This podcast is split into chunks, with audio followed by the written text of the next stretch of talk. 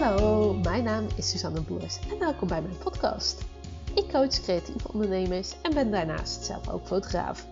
En daardoor weet ik dus als geen ander wat voor struggles je kan tegenkomen binnen het ondernemerschap.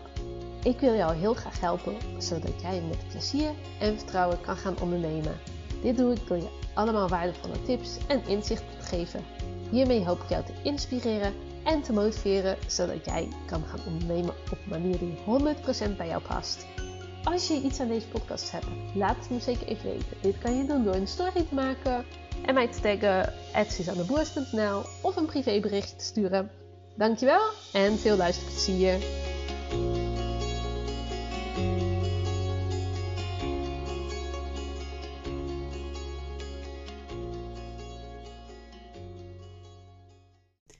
Hey, podcast nummer 100. Yay! Ik vind het super tof dat je luistert. En ehm, ik had uh, wat vragen gesteld voor deze podcast. Want ik dacht, ja, weet je, vaak zit ik in mijn eentje te praten. Ik heb toevallig binnenkort nog een ander podcast-interview klaarstaan. En ik heb twee gastpodcasts die er nog aankomen. Um, maar ik wilde deze honderdste podcastaflevering toch even um, wat specialer doen. Dus er komt sowieso een um, ja, kleine winactie voor iedereen in die hem luistert. En um, daarvoor komt straks een codewoord. Dan ga ik dat even vertellen. En verder in deze podcast ga ik wat vragen beantwoorden die waren gesteld. Uh, ik had op Instagram en op Facebook wat vragen gesteld van oké, weet je, we doen een soort Q&A over ja, deze podcast, over vragen waar je tegenaan loopt. Het mag over van alles en nog wat gaan. Uh, de eerste vraag die ik kreeg was van Marike. En ehm, die ging over, ja, waarom ben jij eigenlijk begonnen met ondernemen?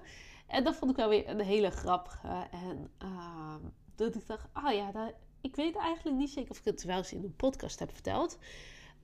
Maar, nou ja, ik heb het er vaak over. Ik ben fotograaf. En ik ben eigenlijk begonnen uh, in uh, gewo gewoon als hobby, zeg maar. E echt als hobby. en vooral op de manege. Ik reed toen nog paard. En ehm, nou, toen nam ik daar mijn camera mee en ging ik wat foto's maken met vriendinnen die ook lekker aan het paardrijden waren. En nou ja, paarden zijn echt nog wel mijn grote liefde, zeg maar. Dus dat, dat ja, beviel altijd wel goed. Dat was altijd wel leuk om uh, lekker fotootjes van de paard te maken. En verder niet al te ingewikkeld. nou, dat, dat was wel heel leuk. En op een gegeven moment kwam je van het een op het ander eigenlijk. Want nou ja, de paardenwereldje ik startte eigenlijk in de tijd dat Facebook nog wat populairder was. En dan is het paardenwereldje best wel klein. Dat merk ik nu nog steeds. Dat ik soms denk, oh jij komt echt via... Um, nou, je hebt zo'n heel groot paardenforum, Bokt bijvoorbeeld. Dan komt opeens iemand daar vandaan of op een andere manier.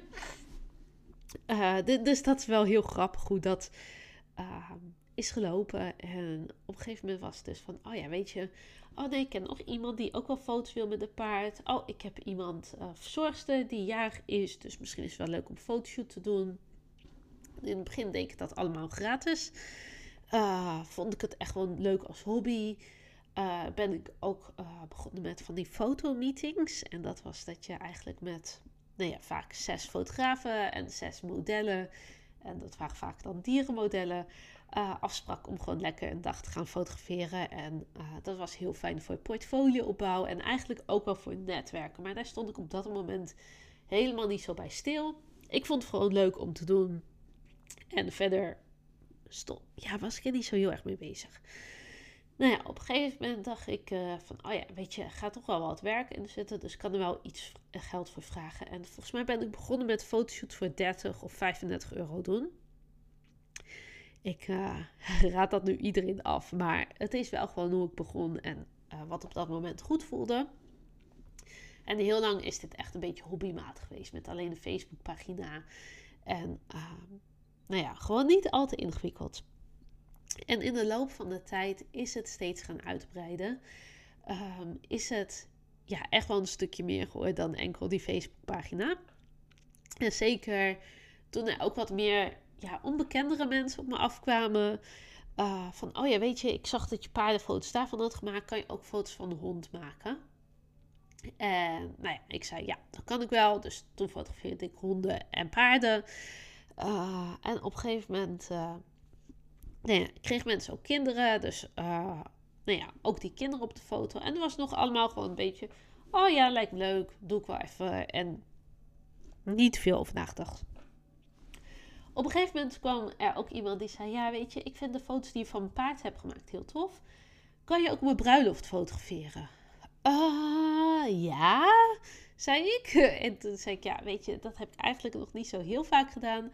Maar laten we het maar proberen. Dus, uh, nou ja, was ook een hele kleine bruiloft. Uh, ja, en zo ging eigenlijk het van het een naar het ander. Deed ik nog een paar kleinere bruiloften. Wat, uh, ja, wat, ja, ik nam het toen op dat moment gewoon eigenlijk nog niet serieus. En op een gegeven moment uh, begon ik steeds meer in te zien, oh ja, weet je, er zijn gewoon mensen die hier hun werk van maken, uh, waarvoor dit gewoon hun beroep is. En ik wil dit helemaal niet laten klinken als, oh, het ging zo makkelijk, maar het was wel een andere tijd. En het was heel veel via via. En het was echt niet dat ik iedere week fotoshoots had. Uh, want dit heeft echt een jaar twee jaar doorgesukkeld, zo een beetje. En toen kwam ik op het punt dat ik dacht: oké, weet je, ik ga nu toch wel wat geld verdienen. Ik ging ook via mijn werkgever ging ik wat uh, een zakelijke opdracht doen. En er kwamen nog een paar bruiloften. En ik ging ook via een uh, ja, ander bedrijfje ging ik. Uh, dat is een beetje lullig dat ik dat bedrijfje noem. Uh, dat, dat is niet mijn bedoeling. Maar het voelde nou ja, als ik erop terugkijk, is dat eigenlijk wel een beetje een gek, uh, gek constructie geweest. Maar daar ging ik ook wat opdracht voor doen. En die vroegen ook eigenlijk een KVK-nummer. Dus dan dacht ik, oké, weet je, dan schrijf ik me in bij de KVK. Maar dat vond ik echt wel een grote stap. Want ik ben helemaal geen ondernemer van mezelf. Ik heb helemaal niks met marketing gehad. Ik, uh, nou ja, economie 1, 2 vond ik verschrikkelijk. Ja, weet je, dat hele marketingwereldje en gedoe dat, vond ik allemaal, ja, ik vond het echt gewoon te veel gedoe. Maar uiteindelijk dacht ik, oké, weet je, nou, dan ga ik de stap maken, ga ik naar de KVK. Dus toen heb ik me ingeschreven. En nog helemaal niet met de intentie om mijn baan op te gaan zeggen. Ehm, of wat dan ook. Maar gewoon echt van, oh ja, weet je, het is handig om me in te schrijven. Maar ik vond het wel heel spannend, weet ik nog. En ik vond het best wel een groot ding. Dus ik had mijn vriend... Ehm, en mijn moeder meegenomen naar de KVK in te schrijven. Toch, oeh, oeh, oeh, hier gaat het gebeuren. Je wordt opeens Suzanne Fotografie een echt bedrijf. En dat werd ook. Uh, dat was de dag dat ik Suzanne Fotografie officieel inschreef. En toen had ik opeens een bedrijf.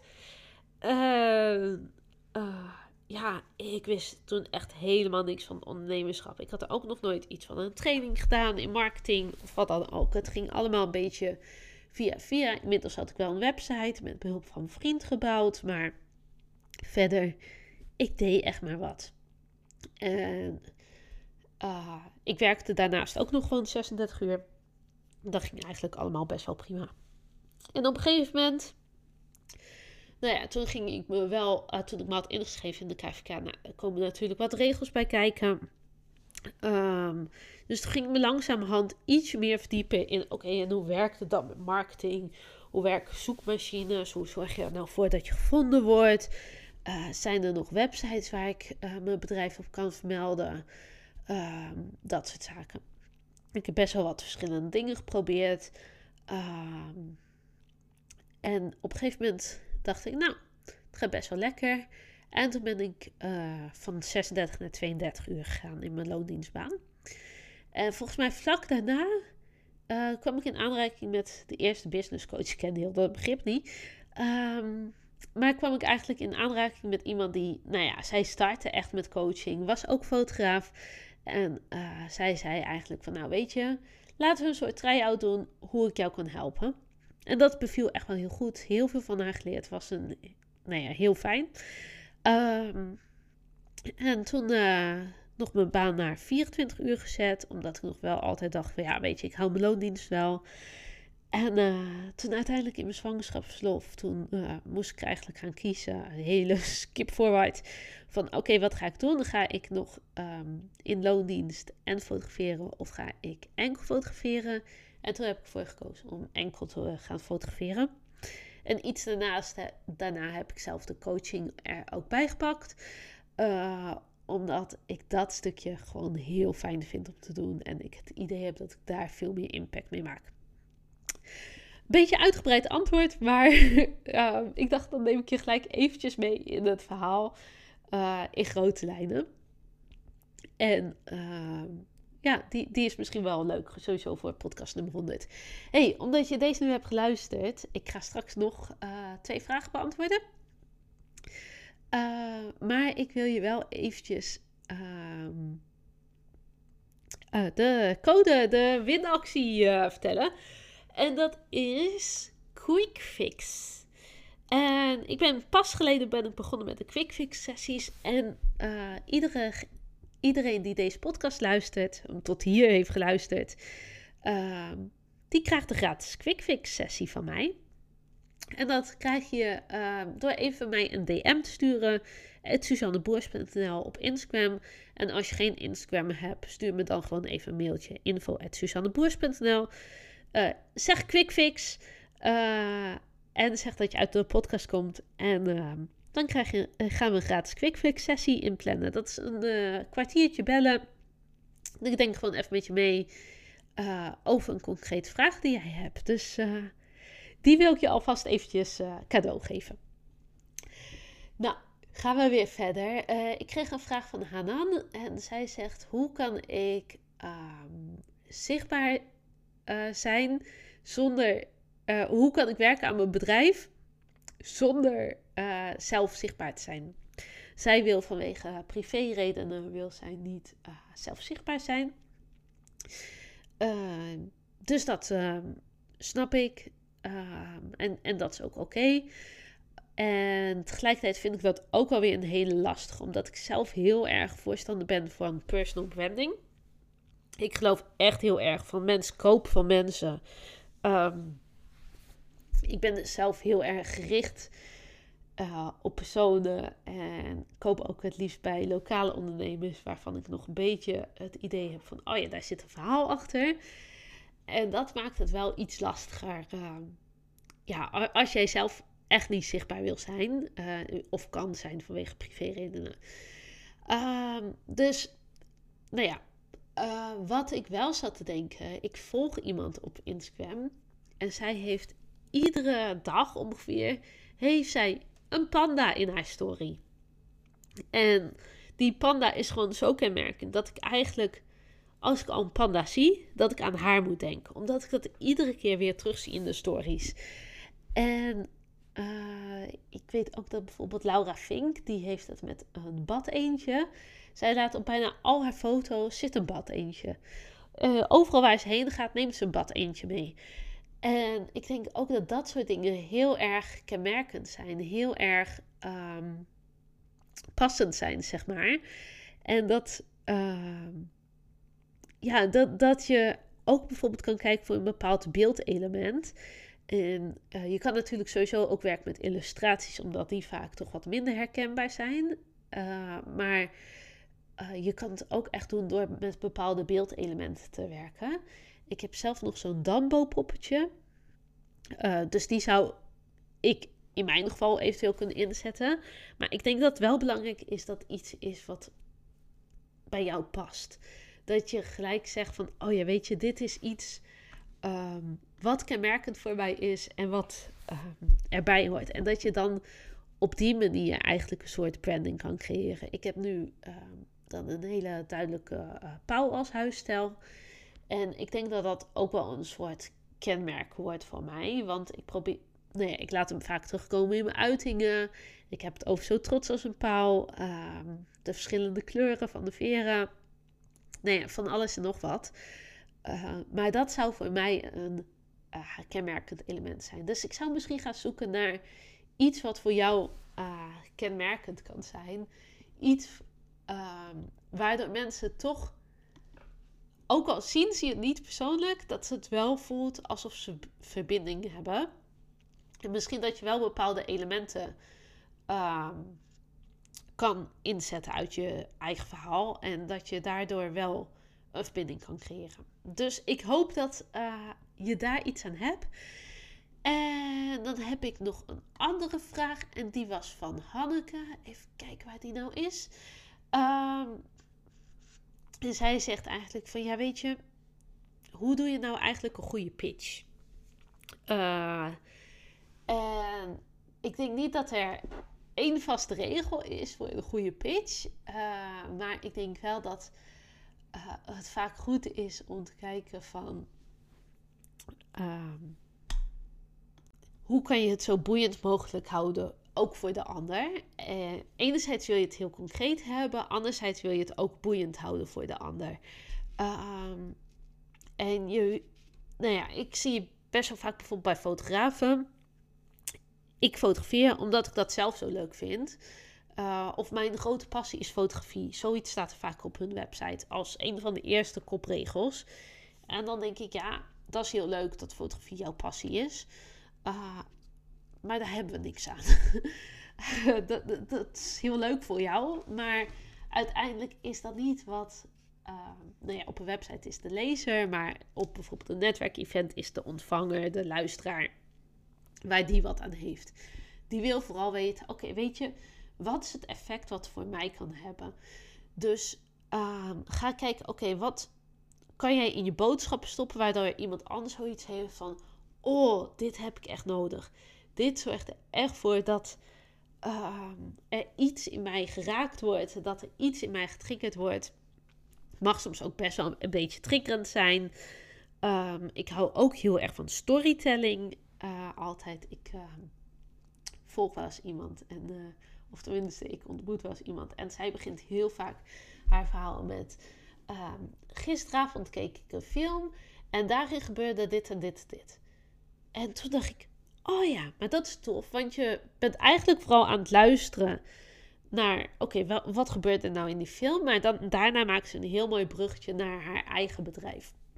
Dus je kan het wel op verschillende manieren uh, doen. Maar um, ik denk dat het belangrijkste bij een pitch is dat het heel concreet is. En dat je niet met allerlei vaktaal um, strooit. Uh, dat het begrijpelijk is. Dat het uh, opvallend is. Zeker als je bijvoorbeeld op een netwerkevent bent waar heel veel mensen heel veel verschillende post, um, pitches doen. Uh, nou ja, dan, dan is het echt wel de kunst om daarin te blijven opvallen. En ik zou ook heel erg kijken naar, oké, weet je, kan je nog iets erin doen dat mensen zelf aan het denken gezet worden? Dus bijvoorbeeld een trigger, een statement of een persoonlijke vraag aan iemand. Van, hey, weet je, hoe goed heb jij je personal branding op orde? Um, wat is de reden dat jij bent begonnen met podcasten? Nou ja, noem het op, maar dat je eventjes nog aan het denken zet. En um, nou ja, ik zou vooral dat soort dingen kijken bij uh, pitches. Je kan, ja, ik kijk zelf vaak als ik een pitch doe heel erg op um, wat is eigenlijk een groep waarvoor ik pitch. Ik heb ze wel eens echt uitgeschreven voor mezelf. Uh, maar ik vind, vind het veel fijner om eventjes in te haken op... hey, wat gebeurt er in de groep? Of dat je zegt, hey, net zoals uh, iemand anders net zei... Um, doe ik ook uh, doe ik bijvoorbeeld dit? Of um, zoals je allemaal zal merken... Um, nou ja, het verloopt een beetje chaotisch of wat dan ook. En dan begin ik daarmee. Ik begin ook heel vaak met het uitleggen van... hey, ik ben een multipassionate ondernemer. En dat zorgt vaak ook al voor even de aandacht dat je net daarmee triggert. Niet iedereen kent het begrip multipassionate ondernemer. Uh, dat mensen daardoor gelijk even de aandacht hebben en denken: oh, maar dat is interessant. En wat doe je dan? Dus dat. Uh, ja, ik had eigenlijk maar drie vragen voor deze uh, podcast binnengekregen. Uh, dus hij is uh, redelijk kort. Maar mocht je nog een andere vraag hebben, laat het even weten. Misschien dat ik gewoon vaak zo'n QA doe. Ja, stuur mij een berichtje. En zeker ook als je die quick fix sessie wil, uh, stuur me dan ook even een berichtje. Die krijg je gewoon gratis. Geen upsell, geen wat dan ook. Uh, je krijgt gewoon lekker een kwartiertje bellen. Lekker even meedenken. Uh, vind ik heel leuk om aan jou te geven.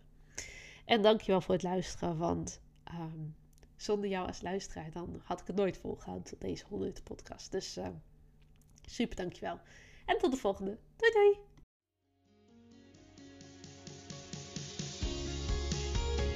Hey topper, dankjewel dat je hebt geluisterd. Ik hoop dat je hem super waardevol vond en ik ben zelf heel benieuwd wat jij hieruit haalt. Zou je dat met me willen delen? Dat kan via een privéberichtje op Instagram of een story at Dankjewel en tot de volgende. Doei doei!